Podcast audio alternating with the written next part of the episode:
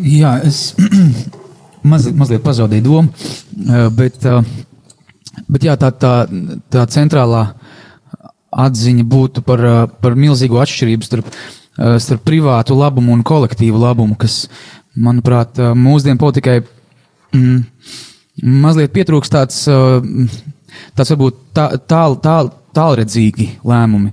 Jo skaidrs, ka ir situācijas, kas ir jāsakārto tūlīt un tagad, un, un kas prasa tūlītēju reakciju, bet uh, tomēr politikai būtu jābūt ārkārtīgi ilgtermiņā uh, uh, redzošai mm, sistēmai. Un, un, un tomēr Es, es jau esmu tas, tas trakais, kurš tic labajiem cilvēkos, un es ticu, ka visi cilvēki pašā būtībā ir labi. Un, un, un tāpēc es ceru, ka vienā brīdī arī šeit, Latvijā, ļoti daudzās, daudzās gadījumos var just, ka privātās intereses ir tas iemesls, kāpēc cilvēki dodas politikā, lai, lai, lai pareizi sakārtot likumdošanu, lai pēc tam tur ir vieglāk kaut ko dabūt cauri, kaut kādas schēmas, bet, bet tikai tajā kolektīvajā labumā var atrast to, to nākotni. Tā, ka, lai mums visiem ir labi. Ja es drīkst pieķeršos pie tās domas īstermiņā īstermiņa un ilgtermiņa. Jo tā lielā dilēma visā, es domāju, tas ir gan Eiropas līmenī, gan, protams, ar Latvijas līmenī, ir tā, ka cilvēki, ko, ko politiķi saka, mums vēlētājs pieprasa tagad, nevis par to domāt, kas notiks pēc gadiem desmit. Un, uh, Viņa, nu, tāpēc, ka vēlētājs to prasa, tāpēc arī politiķis tā rīkojas. Nu, it kā, bet mēs jau varētu tagad paņemt uh, vien, vienā mēnesī, atdot visu pensiju fondu uh, visiem, lai katram pa vairākiem tūkstošiem, bet kas tad notiks pēc desmit gadiem? Nu, tomēr ir, jā, ir labs tūlītais labums, bet vēl labāk, manuprāt, ir tad, ja tas labums tev ir visu laiku ilgstoši. Tas ir, tas ir ļoti grūtāk, protams. Grūtāk ir pieņemt lēmumus, uh, nezinot, kāda būs nākotne vai tam līdzīgi, jo, jo laiki jau mainās un, un, un kopš šūmaņa laikiem mēs, man liekas, esam jau gaismas gadu attālumā no tās Eiropas, kas bija tolaik. Tāpēc jābūt ir klātesošam šajā, šajā laikā un jārisina šīs problēmas, bet tomēr domājot par, par nākotni, par saviem bērniem, par saviem mazbērniem, lai viņiem arī vēl joprojām paliek šī Eiropa. Sakām, piemēram, jā, redz, mums šobrīd budžetā ir laba laika, nu kaut vai šīs dienas ziņa. Jā. Šobrīd skatāmies, budžeta pārplikums ir cik tur vairāk, tur desmit miljoni. Bet Bet mums taču vajag veselībai. It kā būtu labi uzkrāt priekšstiem, jo mēs zinām, ka pienāks krīze nākotnes laikiem. Bet vajag tagad uzreiz, jo te trūks un skolotājiem trūks un visiem, un ko politiķis. Nu, viņš, viņš, nevar, viņš nevar uzkrāt nākotnē, vajag tūlītās. Es domāju, ka vajag arī uzkrāt nākotnē. Jā, Nepie, jā. Bet, bet tā, tas būs tas politiķis, ko es būšu ievēlējis. Viņa programmā, viņa partijā es izvēlēšos viņu vai es izvēlēšos tos punktus. Un, un tad es, es teikšu, vēlētāji to prasa no manis atbildīgu politiku. Tas jautājums par atbildīgu politiku. Populists jau ātri vien uh, solīs, ka mesīs uh, atbildi, un mēs skrienam pēc, popul pēc populistu, un tāpēc populistiem ir tāda piekrišana dotajā brīdī. Tāpēc, ka mēs paši gribam visu uzreiz, mēs paši esam bezatbildīgi. Atbildīgs cilvēks jau domā nākotnē. Arī bērnus mēs neaudzinām bez nākotnes izjūtas. Te vienkārši te izglītība, skola, baznīca, rādio, visiem mums ir jāveido tādu uh, sabiedrību, kas ir atbildīga. Te, te, tas nav tikai es būšu no vienas partijas, no vienas rīzes. Atbildība pieder visiem. Un pārdomāt, tas ir iziet no šīs barbāru situācijas. Jā, jā. Es esmu laikam šodien pesimists, bet vai nav tā, ka būtībā sagaidīt no sabiedrības, ka viņa nobalsos vairumā par to, ka es rūpēšos par kaut kādu nākotni, ir maz cerības. Un tad, ir, tad vienkārši tas politiķis dara tā kā Šūmans. Nu, viņš, nu, Nē, es domāju, ka veido sabiedrību filozofi, žurnālisti, jebkurš katrs cilvēks, māte un tēvs, ģimene un skolotāji. Viņi veido sabiedrību. Un tur mums, tur mums ir tur jānotiek diskusija valsts līmenī. Tas mēs Tas, ko mēs šovakar darām, visai tautai jāiesaistās tajā procesā. Būtu tik skaisti, ka nākošais gads, uz 18. gadu, e, mēs visi iesaist, iesaistamies pārdomās, ja? ko nozīmē būt latvietim Eiropā, ko nozīmē būt latgalietim Latvijā un Latvijai Eiropā. Man liekas, ka nav tik traki, kā, kā Tamsons saka. Uh, viss ir atkarīgs no tā, kā izskaidro. Cilvēki, principā, vairums nevēlas ļaunu un arī domā par nākotni, par saviem bērniem. Tas ir mūsos ielikts, jo mēs esam dzīves būtnes, gribam, lai tas turpinās.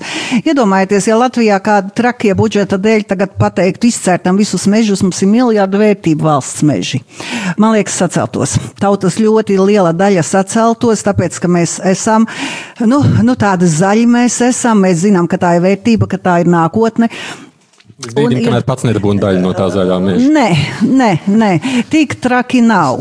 Bet es arī gribēju piebal, piebilst, lasot grāmatu par Šūmani, nav jau viņš arī tāds ideālists. Viņš jau arī piespēlē vēlētājam un, un labi zina, kāda ir reāla politika. Un tā kā viņam jāizvēlās tur Lotringijā skolu valoda, tur franču vai vācu, nu ir cīkstiņi par to, abas valodas vai nē. Nu, viņš iepauzē, viņš prot atlikt naudu, viņš prot veidot veidot ārlietu ministra amatā attiecības ar valstīm, ar kurām vajag, un iepauzēt ar tām, ar kurām nevajag. Reāla politika jau arī ir ar saviem noteikumiem. Tā kā te, tie, kas piedalās politikā, labi zina, nevar ar vienu ideālismu. Bet ko es lasot, Šumani tā ievēroju, kas man likās ļoti diža lieta un kas trūkst šajos laikos. Viņam ir ārkārtīgi laba izglītība. Pie mums, tā mēs mēdzam teikt, nu, katrs pavārs par, par prezidentu. Tas tāds amerikāņu lozungs vispār ir. Katrs var. Bet tāds vīrs kā Šūmanis, pirmkārt dziļi katoļticīgs, bet tas nav tikai ticība, tās ir zināšanas. Kad es lasu, ka viņš pat arī, kad viņu tur iesēdina cietumā uz kādu laiku, viņš studē summa teoloģikā Akvinas Tomu. Jā, Akvinas Toms ir ļoti harmoniskas pasaules modelis 13. gadsimts.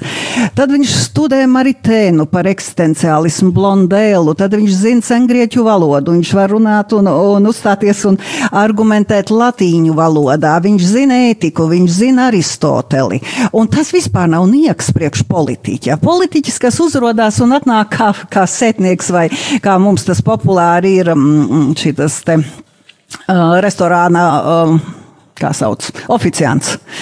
Uh, nav zināšana, nav saprašanas, tāpēc jau ir tā politika uz to dienu, uz to izspēlēšanu priekš vēlētāji, ja viņš šobrīd grib kaut kādu, presa ir iededzinājusi kādu liesmu, dod, dod, dod man naudu šurpu. Tad aiziet, aiziet piespēlēšana, bet izglītību vajag. Ļoti lielu fundamentālu izglītību, un vēl es te neaģitēju par katolicismu, tā nav reklāma, bet tomēr katolicisma, tas, kas ir šūmanī. Tā sociālā programma viņa māca cilvēkus domāt uz to, ko jūs te teicāt, vispārīgo labumu. Viņā nav iekšā tāds dziļš, egoistisks, nezinu, individuālisms, tāda sautība.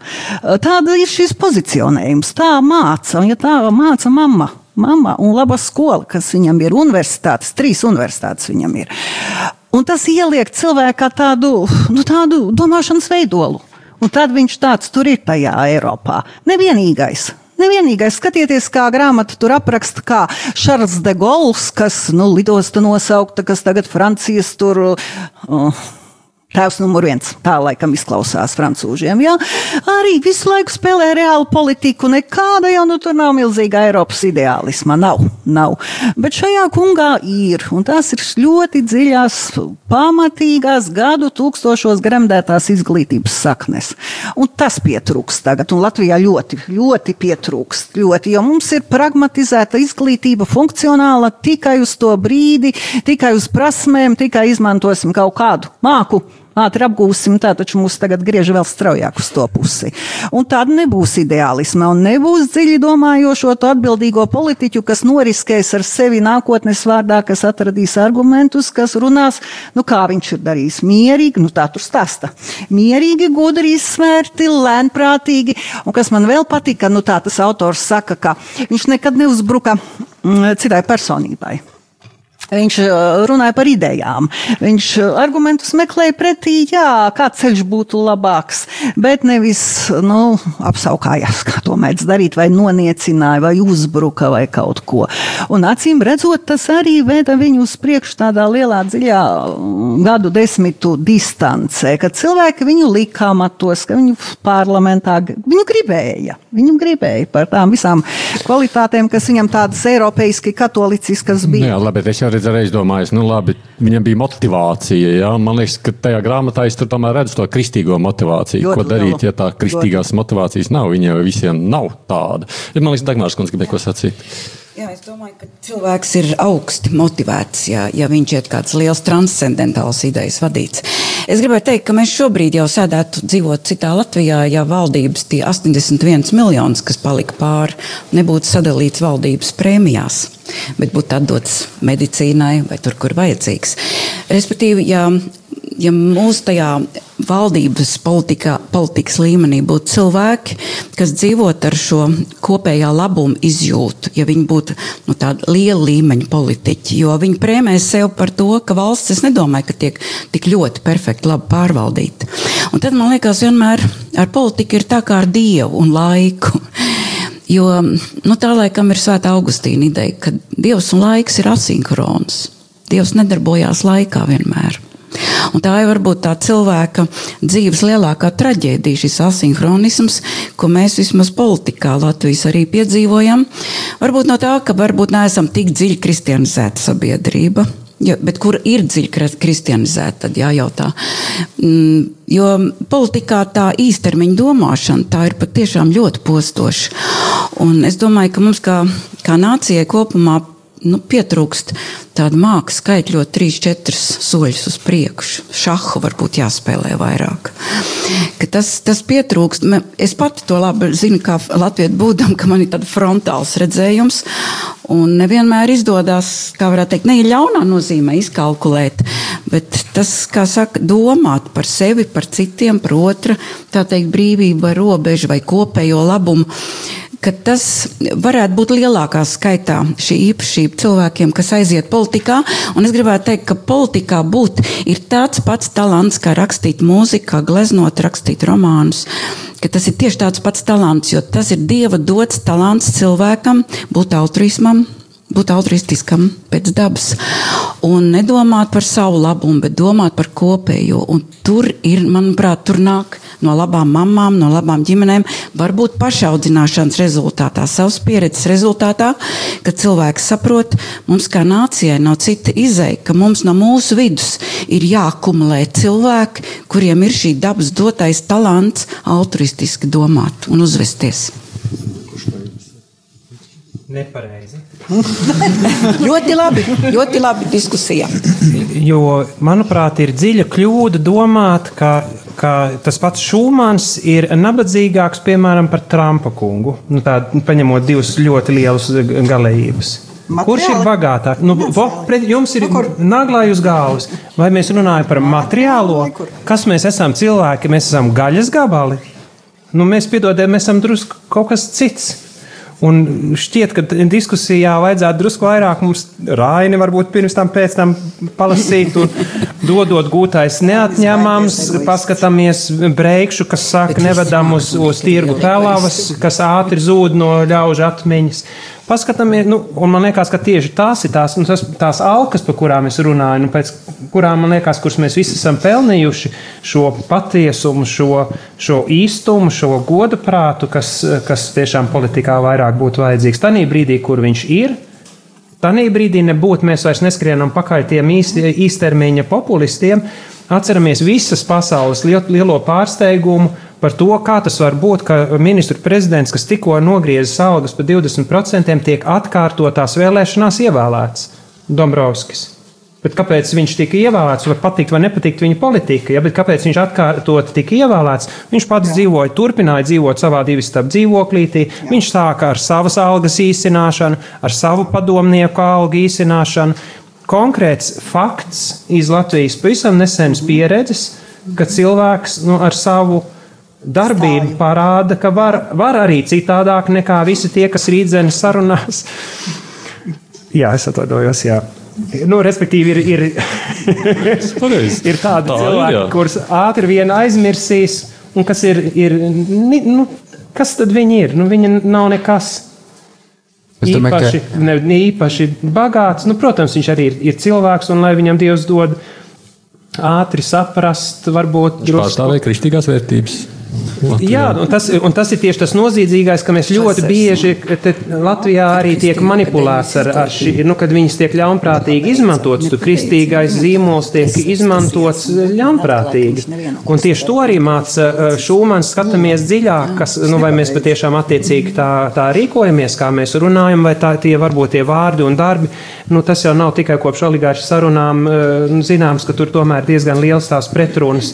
Tāpat zinājām kāpas, koku izciršanas un visu pārējo. Un tas ir nu, diezgan acīm redzams, ka tas ir tikai pievilkts klāt, diemžēl, lai apmuļķotu cilvēkus. Mūsu uzdevums būtu gudrākiem, būt apskaidrotākiem, saprast un atbalstīt tos, kas ir godprātīgi un pelnījuši šo mūsu atbalstu. Un arī atkal nevis tikai reizi četrās, četros gados aizejot uz vēlēšanām, bet e, turpinot Jarumaņa kunga teikto, demokrātija ir e, ikdienišķs darbs.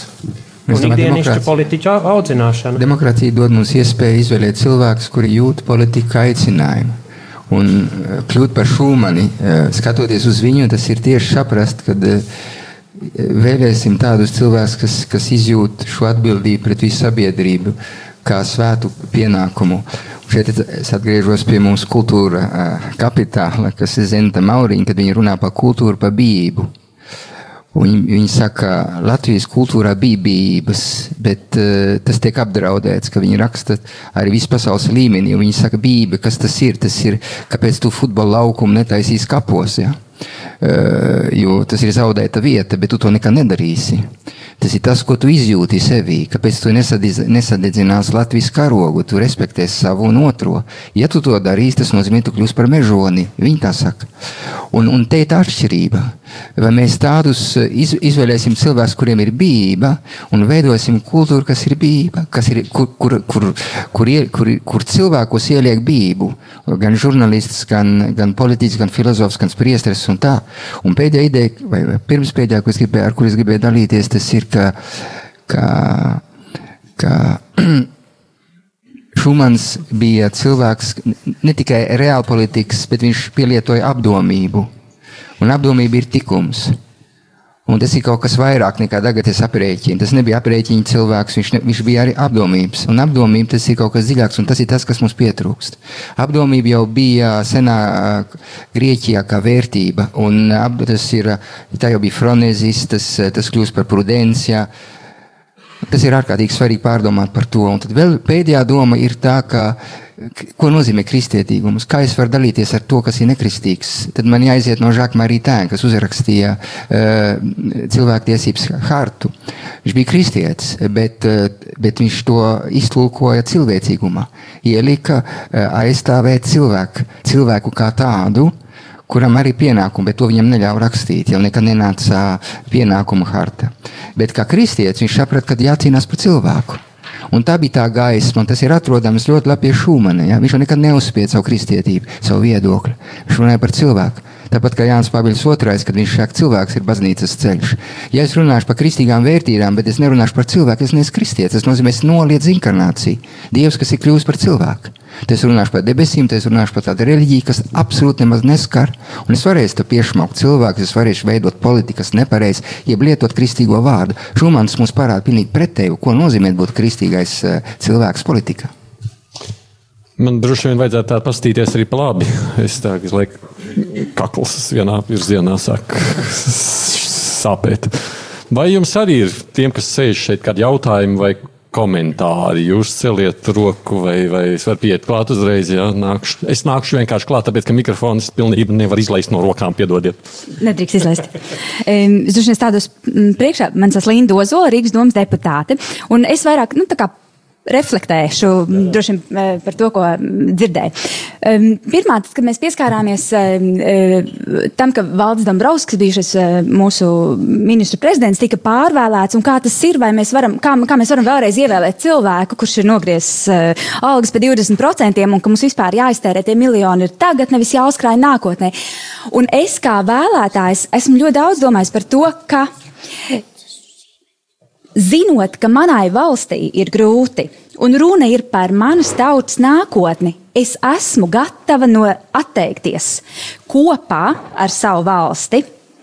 Bet tikai pie viena nosacījuma. Tad es negribu dzirdēt un lasīt virsrakstus par eh, Latvijas dzelzceļa sāgu, par oligarhu sarunām, par skandāliem, piemēram, Rīgas brīvos pārvaldē vai vēl kaut kur. Bet es kā savas tautas cilvēks, es esmu gatava to darīt. Un es balsošu vēlreiz par to cilvēku, arī mm, par prezident, ministru prezidentu, kurš ir tādu radikālu soli spēris. Bet es redzu, kā jau Gobiņa kungs norādīja, to, ka viņš, ir, viņš iet kopā ar mani es atsakos, vai viņš vai varbūt tieši otrādi, viņš pat iet vienu soli uz priekšu, un es viņam sekoju. Tā es domāju, ka šis aspekts ir, ir, ir ļoti svarīgs. Un tad man ir arī tāds jautājums. Pieskaroties tam, kas izskanēja diskusijas sākumā, tad, mēs vēl runājām par, par piedošanu ļoti daudz, un par to, ka mēs kā Latvija, kā tauta, apzinātos sevi par eiropiešiem esam un nu, tādu ar staltu stāju ietu Eiropā.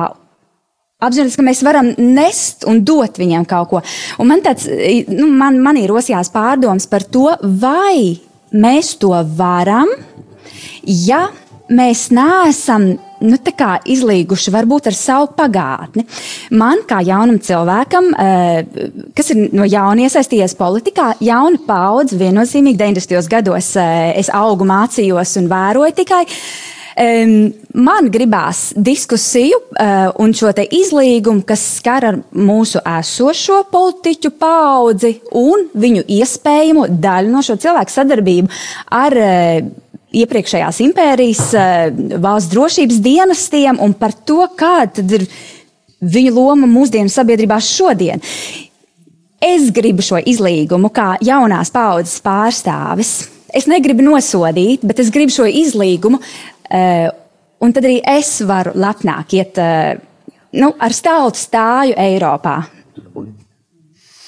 Nu, mums jau to izlīgumu ir gājis, kā ir gājis, ja mēs esam daudz runājuši par to, bet uz priekšu jau neesam tikuši nekur tālāk, vai ne? Vai tur kaut ko Jūs varat kāds atbildēt tagad šo? Gribētu. Man liekas, ka te tiek veidota steiga, izlīkšanas steiga. Izlīgumam ir jānobriest. Ja man no vienas puses pretī turpinās teikt, ka Staļins bija dīšs, viņam vajadzēja nogalināt, tas bija cēlu mērķu dēļ, vajadzēja izsūtīt uz Sibīriju. Es nevaru piedot, es nevaru un es nepiedošu. Es gribu, lai izaug paudze. Labi, ja vecie staļinisti vēl tā joprojām nav no tā vaļā tikuši un varbūt netiks. Viņi ar to lepojas, lai izaugtu paudze, kas atzīst, ka tas bija genocīds, tas bija noziegums. Tad sākās izlīkšana. Izlīkšana nevar pasūtīt, un ja mēs vēlreiz atkārtošu, tagad taisamies izplāties kā lupatas eh, bijušo čekistu un ziņotāju priekšā, man ir kauns. Es esmu no tās paudzes, kad es zināju, ka katrā kursā, kas mācījās, bija kāds stukačs, kas starp pasniedzējiem bija stukačs, starp māksliniekiem bija tie, kas tika uz rietumiem, arī tie tur bija un sadarbojās. A, kāpēc viena daļa nesadarbojās? Kāpēc viena daļa, ko sauca uz stūra māju, viņa nāca ārā, zaudēja pat karjeras, kā Andris Rubenis, teiksim, kas kas pirms pāris dienām bija aizgāja mūžībā. Kāpēc varēja nesadarboties? Arī Doroņina Lasmane, kāpēc varēja nesadarboties? Un kāpēc man ir jāzaudē šī kauna sajūta? Es nevaru viņu pazaudēt. Man ir kauns, man tas nepatīk, un es nepiedošu. Bet vai Šumans visam... nesteidzās pa priekšu tādā ziņā, jo nu, mēs teicām, bija pieci gadi pagājuši, un tur tās rētas bija dziļas? Saprotiet, Vācija bija pamatīgi sakauta. Pamatīgi sakauta. Jā, jā, Adenaueris arī viņam bija. Izlikšana bez patiesības, bet bez taisnīguma nav kristīga izglīšana. Jā. Tur jāsaprot, izglīšana prasa patiesību un taisnīgumu. Tieši tā, un taisnīgumu. Un, un uh, izglīšanu ceļ, izlī, tas nozīmē tas konstruktīvs process. Un... Vienīgais, es saprotu, tie cilvēki vienalga īsti vēl nebija gatavi iet no, no Francijas puses, jā, frančūži uz, uz priekšu, bet nu, Šumans bija tā tāda lokomotīva, kas pavilka. Jā, bet bija to. trīs, eh, bija, bija, bija Itālijas pārstāvji, Gasperi, bija Adenauers, eh, kuri bija spējīgi vāciešiem parādīt jaunu ceļu. Un, un tas ceļš, eh, tas jau nav jau tikai, tikai Šumans, ir vēl daudz citu politiķu, bet viņš ir Viņš, iz, viņš izgudroja eh, to, to ceļu, tas nozīmē saistīt visus ekonomistus tādā veidā, ka neviens nekaros pret otru. Un tas iziet, iziet no, no tirgus, no, no ogļu ekonomikas, tas no ogļu uh, tirzniecības. Ar to, ka mēs dalāmies enerģijā, mēs vairs nevaram uh, sākt cīnīt, jo vajag konkrētas atbildes. Tas pat šodien, lai veidot Eiropu, ir jā, jāspēr konkrēti soļi. Un, un tādā, tādā nozīmē tas pats par izlīkšanu, ja, kamēr vēstures grāmatās otrā pusē nebūs izskaidrots. Uh, ir dažas lietas, piemēram, kas netiek nekad noliektas šeit, Rietumē, Eiropā, kad vācieši ir, eh, kad eh, Aušvice pastāv. Un, ja tu to apstrīdi, tu esi revisionists, tu pateici, tu pateici cietumā. Bet, ja nevar atzīt to, kas ir noticies, eh, nu, tad ir grūti cilvēkiem, kas ir ievainoti. Tā, tas nozīmē, man jārespektē, izlīkšana nozīmē arī respektēt ievainoto cilvēku, tāpēc es saprotu tas, kas tiek pateikts. Un tieši tāpēc tas prasa, tas prasa savstarpēju respektēšanu, bet ar audzināšanu otram cilvēkam parādīt, ja mums nav kopīgs skatījums pa vēsturi Latvijā. Ja ir atšķirības jau pat skolām, eh, kur ja ir atšķirības dubultā informatīvā telpā, kas pastāv eh, par vēstures vērtējumu, tad, tad ir skaidrs, ka izlīkšana notiek ārkārtīgi. Eh, un, un, un, bet tas pieprasa no latviešu puses izskaidrojumu. Mums ir jātic, kā, kā viņš ticēja, kad ir jārunā. Ir jārunā pacietīgi ar otru, jāizskaidro, nav jāatkāpjas. Tādā nozīmē man nav jā, jāatkāpjas no patiesīguma, no patiesīguma principa. Man ir jāieklausās otrā, kuram arī, kurš arī ir, ir, ir, ir kur smadzenes tiek um, izmaz, samazgātas. Ja? Man ir brāļieni, kas dzīvo Latgalē, un māsīca, kas dzīvo Rīgā. Viena, klaus, viena kas ir Latgalē, klausās tikai krievi, krieviski informatīvo telpu. E, viņš absolūti runā pilnīgi pretēji savai māsīcai. Māsīca klausās šitās. Un tas nozīmē, ko tas nozīmē? Tas nozīmē, ka tomēr uh, idejas veido cilvēku. Un žurnālisti žurnālisti spēlē ārkārtīgi lielu lomu. Un tad ir, ne, izlīkšana nevar notikt, ja, ja mēs neizējām no patiesības. Kāda ir tā patiesība par 39, 40, 44 gadu vai 45 par izvēršanu? Kas ir īstenībā noticis? Un tad es sapratīšu otru cilvēku. Un es varēšu ar viņam piedot. Bet tam, tas, ir, tas ir viens savstarpējs process, par kuru filozofi šodien runā. Daži uzskata, ka piedošana tas nav cilvēcīgi. Bet, protams, tas varbūt nav cilvēcīgi, bet pārdabiskā veidā tēvs piedod viņam, jo viņi nezina, ko viņi dara. Tas ir tā, tā, tā pilnība, ko Kristus jau parāda to ceļu, kas vienkārši mūs liek iet pa priekšu, bet tas nenozīmē likt iekavās patiesības un taisnīguma jautājumu punkti, faktiski, ko es gribētu vēl pateikt noslēgumā, ka uh, pan-Eiropas ideja jau bija tūlīt pēc Pirmā pasaules kara, jo tas bija milzīgs šoks. Tas, kas notika Eiropā Pirmā pasaules kara laikā, un jau tad teiksim, domājošās un intelektuālās vidas jau, jau pārstāv runāja par pan-Eiropu, par Eiropas apvienošanu. Tā, tās idejas bija gaisā, un to mums noteikti arī Šumaņa sakrā ir jāpiemina un jādod viņam gods, ka viņš bija tas, kurš arī realizēja. Bet atbildot par jūsu jautājumu, ir ļoti svarīgi, un man tas ļoti iepriecina, jo es esmu jau ārā no, ārā no tās grupas vecuma, bet es kā EDS aptaujā par lustrācijas nepieciešamību tieši 30-50 paudzi vēlas lustrāciju. Un es domāju, ka sabiedrībā šis spiediens nav pietiekami liels un nopietns uz politiķiem, jo tas ir pat ne tāds kā ar likumdošanu, bet drīzāk aicinātos cilvēks izgaismojieties. Jūs neviens netiesās, bet a, saraujiet šīs saites, ja? nu izgaismojieties. Ja?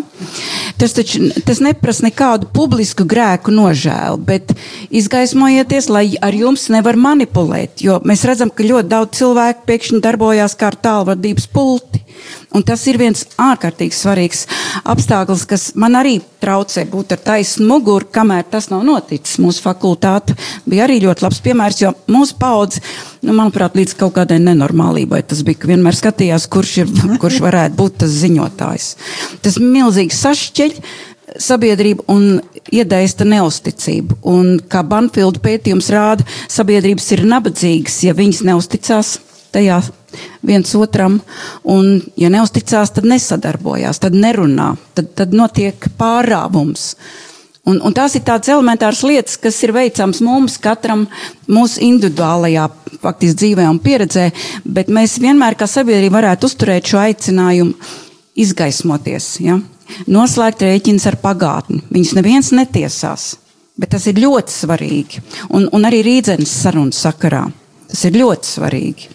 Jo mēs redzējām, ka sistēma bija daudz labāk sagatavojusies Latvijas neatkarībai, kā tie, kas par viņu cīnījās.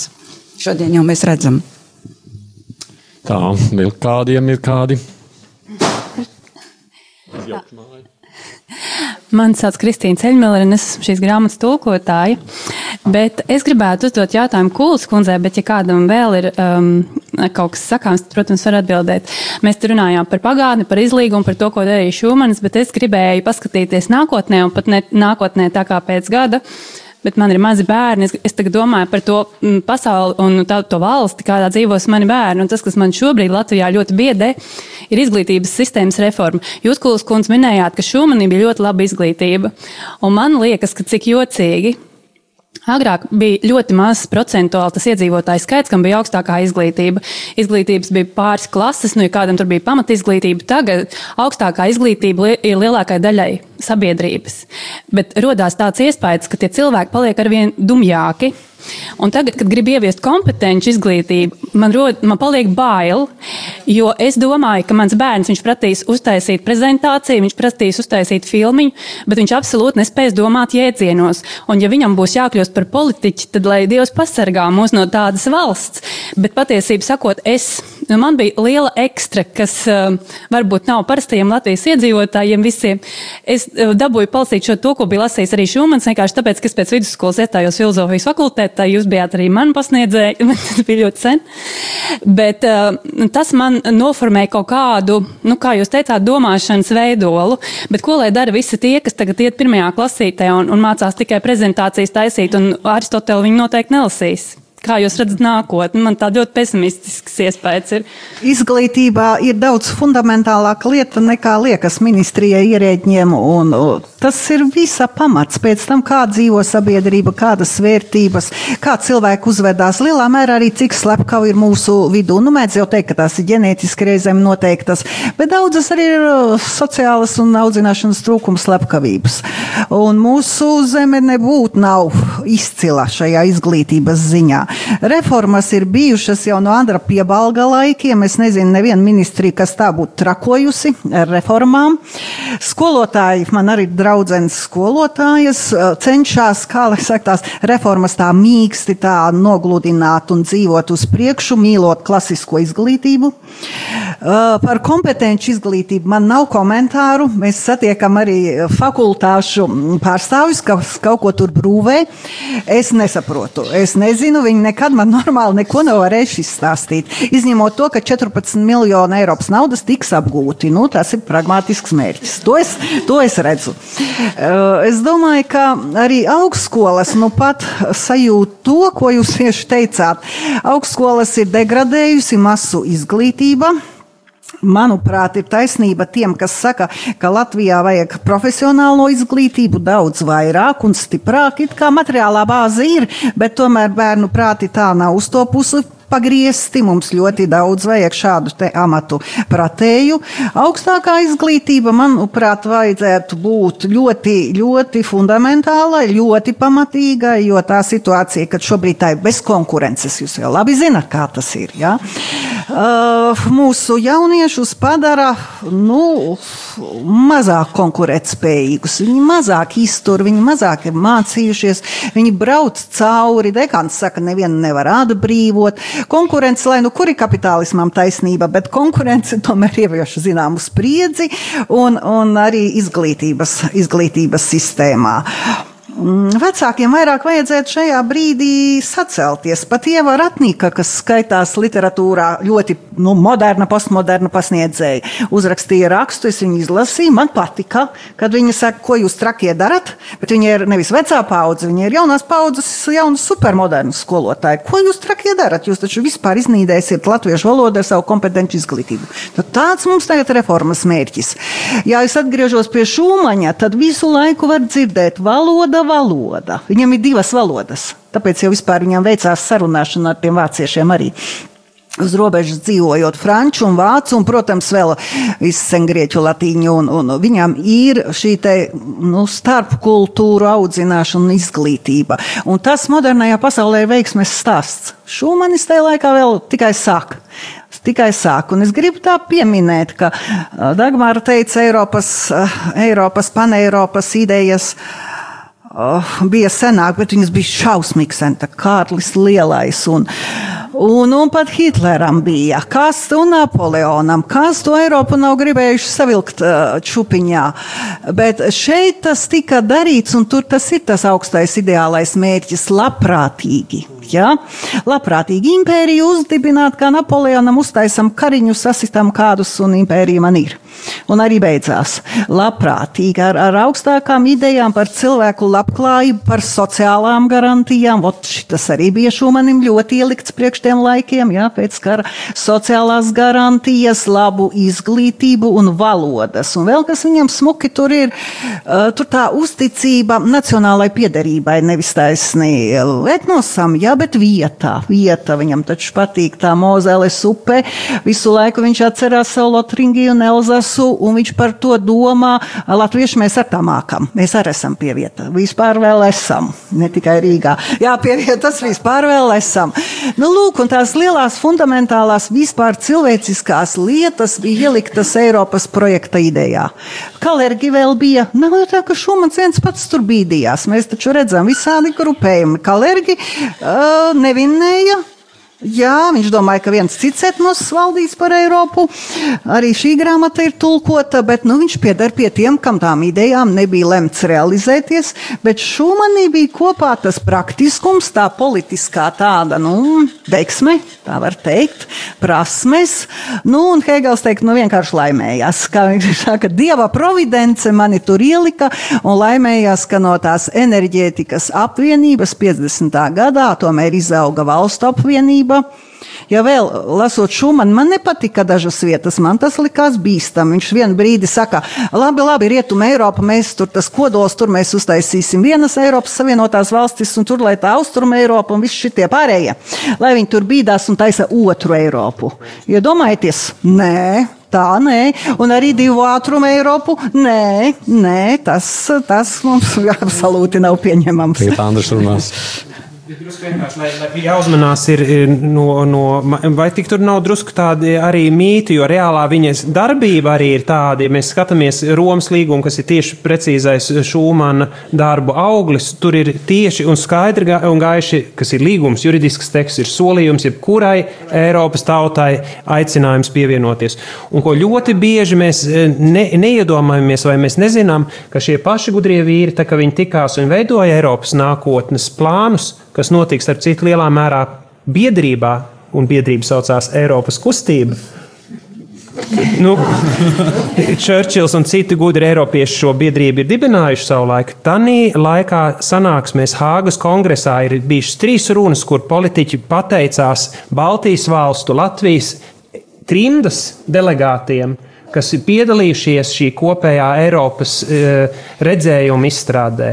Toreiz jau mūsu trimdas pārstāvji bijuši. Viņi nesēdētu ap galdu un runas neteiktu paldies, ja tie cilvēki nebūtu arī aktīvi ar savām idejām piedalījušies šīs Eiropas mājas celtniecībā jau tajos laikos.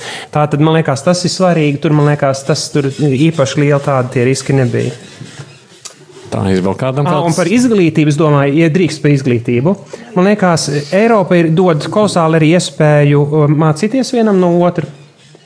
Es pats esmu mācījies Vācijā pie, manuprāt, pasaules labākā vēstures skolotāja Andra Aukmaņa, Mīsēras Latvijas gimnazijā.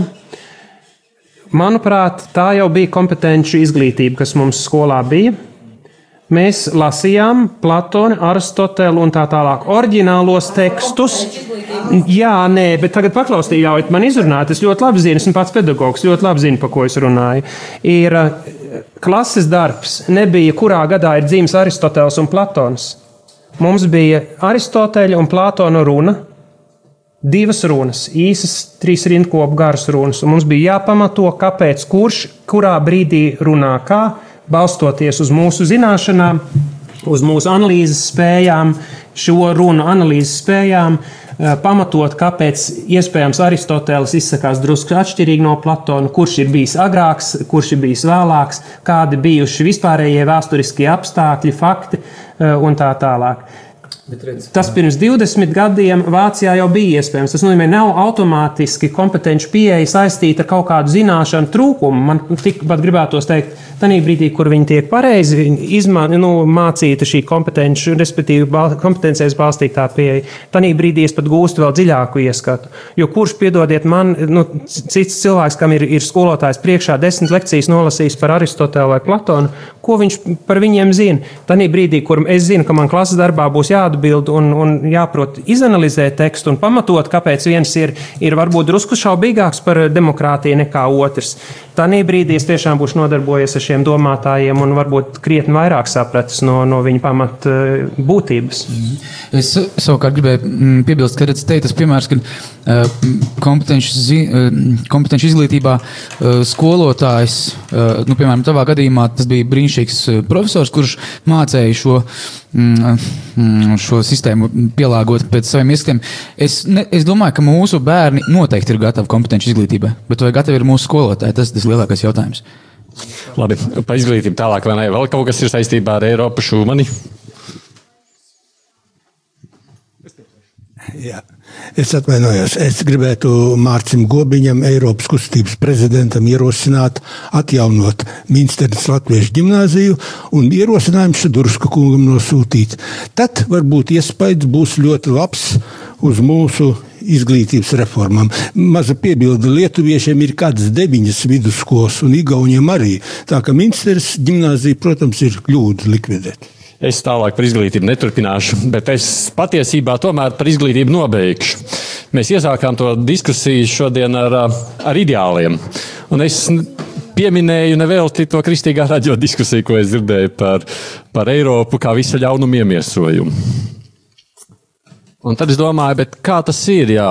Vai, ja mēs šeit runājam par tādām lielajām vispār cilvēciskajām vērtībām, Un tad tu dzirdi, ka kristieši, kas saka, jā, bet viņi ar visām tavām samaitātību, kas tur nāk iekšā vai ne, tur homoseksuālisms, tur, nu, un tur vispārējais pēc kārtas. Varbūt, ka baznīcai pašai, pašai jāizglītojas vai jāmēģina vispār kristiešus vispirms izglītot, kā tad ir. Jo tā ideja, kas tad ir tā vērtība, jeb kas ir kristīgā vērtība vispār? Kas ir pareizi, kas nepareizi. Nu, kas ir tā kristīgā vērtība, ko mēs nesam šeit tālāk? Eiropa atstāja brīvību runāšanā, aizstāvēt savas idejas. Uh, ja dotajā brīdī sabiedrība aiziet cauri, uh, neaizstāvēt uh, ne, piedzimušo bērnu mātes miesā, uh, Ir, ir cilvēki, kas ievēlē partijas un politiķus, kas tādā veidā uh, ir tādu ideju iznesuši cauri, kuri tie kristieši, kuri tiem, kuriem bija kristīgā demokrātijas partija, ir iespēja un kuriem bija iespēja veidot tos cilvēkus. Tas ir atkarīgs no mūsu klātbūtnes tajā sabiedrībā. Mēs nevaram piespiest, tā ir, tā ir brīvība, tā ir eh, traģiska brīvība, jo tā ir iespēja arī izvēlēties ļaunumu. Man ir jāveido cilvēkus, kas izvēlēsies to labumu. Es nevaru uzspiest labumu. Bet tā brīvība ir tā pārākais ideāls, ja tā pārākā vērtība pār visiem, ka tu ļauj brī... nē, nē, nē, izvēlēties kādam nē. arī šādā ziņā. Ne, nu, bet, bet tas nozīmē, tā brīvība, likuma, tas nozīmē, mēs vienojamies par dažām vērtībām, kas mums liekas svarīgas svarīgs, par kurām mēs balsojam savā sirdsapziņā. Šeit ir runa par veidot šo sirdsapziņu. Ja mēs atsakāmies uh, apgaismot šo sirdsapziņu, cilvēki izvēlēsies pēc zināmiem domāšanas veidiem. Uh, un tur, tur mums visiem ir sava loma. Tur būs filozofiem, tur būs māksliniekiem, uh, kā mēs skatāmies uz nedzimušo bērnu, skatā, kas ir svarīgāks, kā mums ir jāizprot brīvība. Vai tā ir brīvība, kas ir individualistiska, individualistiska vai viņa ir relacionālā brīvība, vai viņa ir bezatbildīga brīvība, vai tā ir brīvība, kad es nedomāju par nākošo bērnu, vai es nedomāju par nākošo sabiedrību. Tas, nu, te, te ir tas jautājums. Bet pateikt, es uzspiedīšu ar likumu patiesību, to mēs nevaram darīt. Es varu, eh, es varu eh, mūs, no mūsu puses mums ir jāveido tās sirdsapziņas. Bet no mums gaida, lai, lai tas nozīmē tie, kas runā pret eiro, bieži vien tie bijušās padomu savienības cilvēki, kas ir pieraduši, kad autoritāte uzspiedīs visu. Eh, Brisele nevar uzspiest. Viņu uzspiedīs, ja tauta to pieprasīs. Diemžēl, ja mēs esam piekrituši dažiem principiem, tad mums arī jāizstāvās. Mums nav jāklusē, mums jāsaka, tas ir mūsu viedoklis. Tas ir tas, ko polijas prezidents pateica pirms dažām dienām. Viņš pateica, mums ir cits skatījums uz pasauli. Briselē tas ir jāatcerās. Viņš pateica, es neesmu pret Eiropu. Bet mums ir cita pieredze, bet mēs varam dalīties ar to pieredzi. Es nesaku, ka viņam taisnība ir uz visu. Es vienkārši pasaku, ka mums Mums ir jāaizstāvjas. Mums ir, tie, mums ir viena cilvēka, mums ir viena cilvēka antropoloģija, mums ir vien, viena pieredze, kas nāk no Padomu Savienības, tik, kur totalitarisms valdīja.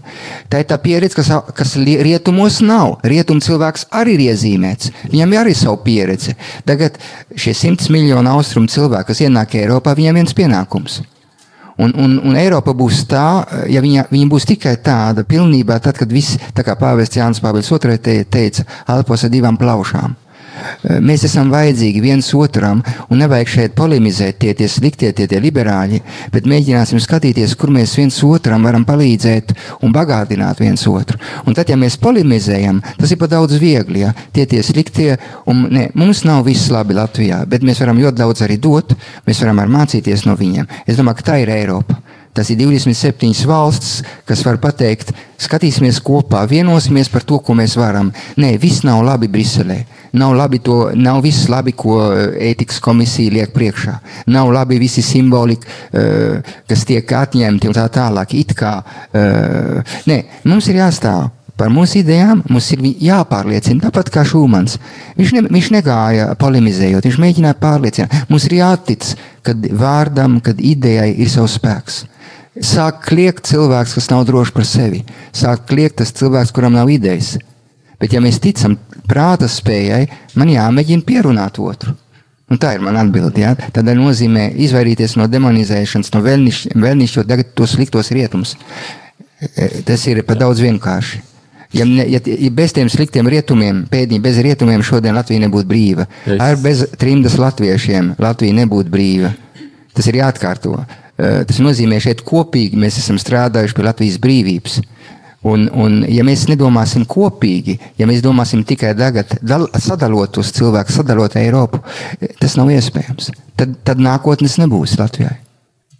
Vismaz tā ir mana doma.